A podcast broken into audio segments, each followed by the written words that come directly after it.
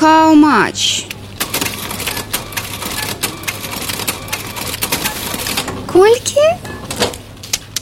Добры дзень з вами рубрика хау-матч у якой мы говорим про асноўныя эканамічныя навіны тыдня сёння мяркуем чаму савецкія практыкі барацьбы з дармаедамі не падыходзяць для сучаснай беларусі а таксама як беларускі знешні гандаль уперся ў лагістычны паталок і што з гэтым збіраецца рабіць урад у напрыканцы мінулага тыдня гісторыя барацьбы беларускіх уладаў супраць тых каго яны лічаць дармаедамі атрымала працяг. Начальнік управлення ўнутраных справаў гродзенска аблаву канкама дмітрий разянкоў сказаў што ведомство прапануе новому складу парламента закон об адказнасці за дармаедства. Незразумела якой будзе гэтая адказнасць. Збіраюцца ўлады абмежавацца для пачатку адміністрацыйным пакараннем ці адразу будуць прыцягваць па крыміналцы. У любым выпадку намеры сур'ёзныя. Не сказаць каб гэта была новая ідэя. Про тое як прымусіць людзей працаваць беларускія ўлады гавораць уже вельмі давно давно. Вот что казаў лукашенко яшчэ три гады тому немедленно заняться трудоустройством безработных.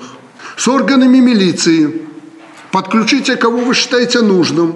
Немедленно поставить на учет всех тунеядцев болтающихся и заставить их работать.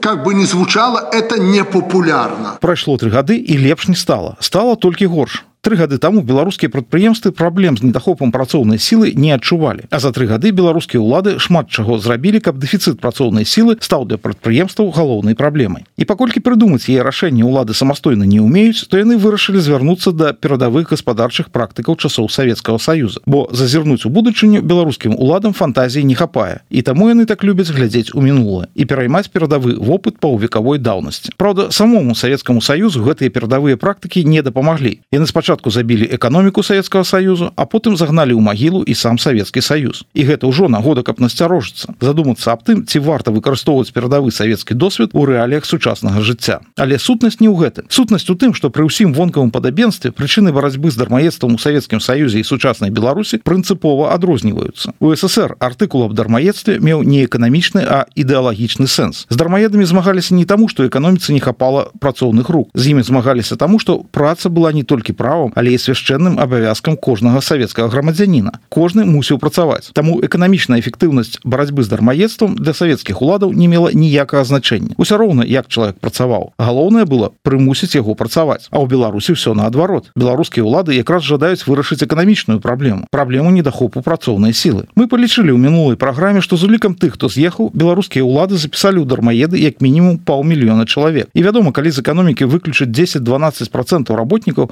то у эканомі эканомікі пачнуцца праблемы. Але закона пакаранні за дармаедства гэтую праблему не вырашыць. Ён яе толькі пагоршыць. Па-першыя мігранты. 200 350 тысяч чалавек якія з'ехалі за мяжу. З'ехалі на вучобу ці на працу але яны ўжо лічацца дармаедамі. І калі раней нейкая частка гэтых людзей планавала вярнуцца то цяпер яны вяртацца ўжо не захочуць. Бо пасля прыняцця закона любога з гэтых людзей можна будзе арыштаваць просто на мяжы. У момант вяртання то бок калі закон будзе прыняты дык 200 350 тысяч беларусаў за мяжой для беларусі страчаны а тыя хто знаходіцца ў беларусі вядома задумаюцца як з беларусі з'ехаць. Нават калі раней яны пра гэта не думалі. То бок нават не прыняцце закона а самі размовы аб прыняцці гэтага закона прывядуць да таго што мігрантаў з беларусі стане больш. Чаму гэты закон дапаможа дык гэта рынку начных вартаўнікоў і вахцёраў і можа быть дворнікаў. Я думаю з'явіцца шмат ахвочых пастражыць што-нибудь уначы за чвэрць стаўкі. І напэўна знойдуцца людзі якія будуць даваць такую магчымасць за умераную аплату. Вось на каго улады могуць крыху разлічваць дык гэта на людзей з паніжаным узроўнем сацыяльнай адказнасці. Тых якія не працуюць таму што не жадаюць працаваць. Вось некаторую частку з іх на некаторы час можна будзе прыстроіць да працы. Але тут ужо ўзнікае пытанне аб эканамічнай эфектыўнасці. Таму што на прыця прыцягнення да працы людзей якія не жадаюць працаваць трэба будзе марнаваць каласальныя дзяржаўныя ресурсы гэтых людзей трэба знайсці працаўладкаваць прыставіць да кожнага кантралёра. Не ведаюць дойдзе справа да аблаў каля крам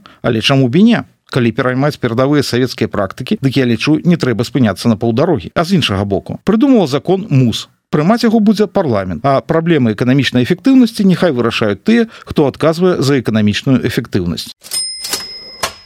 Хаця тым хто адказвае за эканамічную эфектыўнасць так будзе чым заняцца сёлета бо беларускі знешні гандаль уперся ў паталок лагістычных магчымасцяў. Бо пасля таго як Беларусь пасварылася з усімі суседзямі з торговых маршрутам нам засталіся толькі расійскія порты. А расійскія порты не гумавыя як прызнаў недавно посол беларусі у России Дмитрий круты при действующей инфраструктуре железнодорожной в первую очередь мы фактически уже достигаем э, потолка этой перевалки. За мінулы год праз расійскія порты было отправлено 14 мільёнаў тонн беларускіх грузаў з іх 13 мільёнаў праз порты ленинградской вобласці і зараз ужо праблема з лагістыкай праз Россию не ў тым что гэтая лагістыка ў два з паловы разы даражэйшая за тую якая была да санкцый а ў тым что месца не хапае. Нават калі атрымаецца дамовіцца з дружалюбнымі афрыканскімі кіраўнікамі аб тым каб яны набывалі больш беларускіх тавараў то гэтыя ж тавары трэба яшчэ прывесці ў афрыканскія краіны. А прывесці можна толькі праз Россию а на расійскіх чыгунках няма вольнага месца. Яшчэ недавно дарэчы у наших уладаў былі грандыёзныя планы аб тым як ім радыкальна палепшыць сваю лагістыку ў Росіі для гэтага прапанавалі пабудаваць новую чыгунку з беларусі до санкт-петербурга. Под новую чыгунку можна было атрымаць ад Росіі до 10 мільярдаў долараў сяброўскіх крэдытаў. А калі атрымаць ад Росіі 10 мільярдаў сяброўскіх крэдытаў то за экспорт Украіны далёкай дугі можна ўжо і не перажываць. Але аказалася што лішніх 10 мільярдаў у Росіі зараз няма Таму планы прыйшлося крыху падкарэкціраваць. Замест будаўніцтва новой дарогі зараз гаворыцца аб рэканструкцыі некалькіх пераездаў. Первый этап это строительство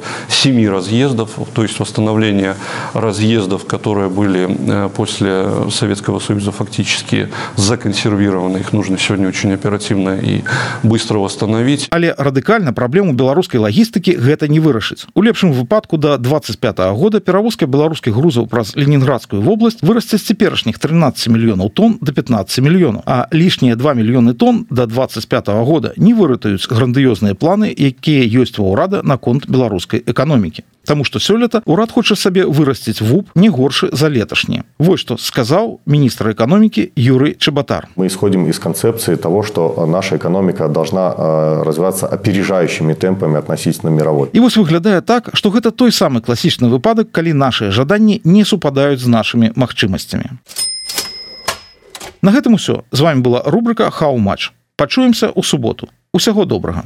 How much?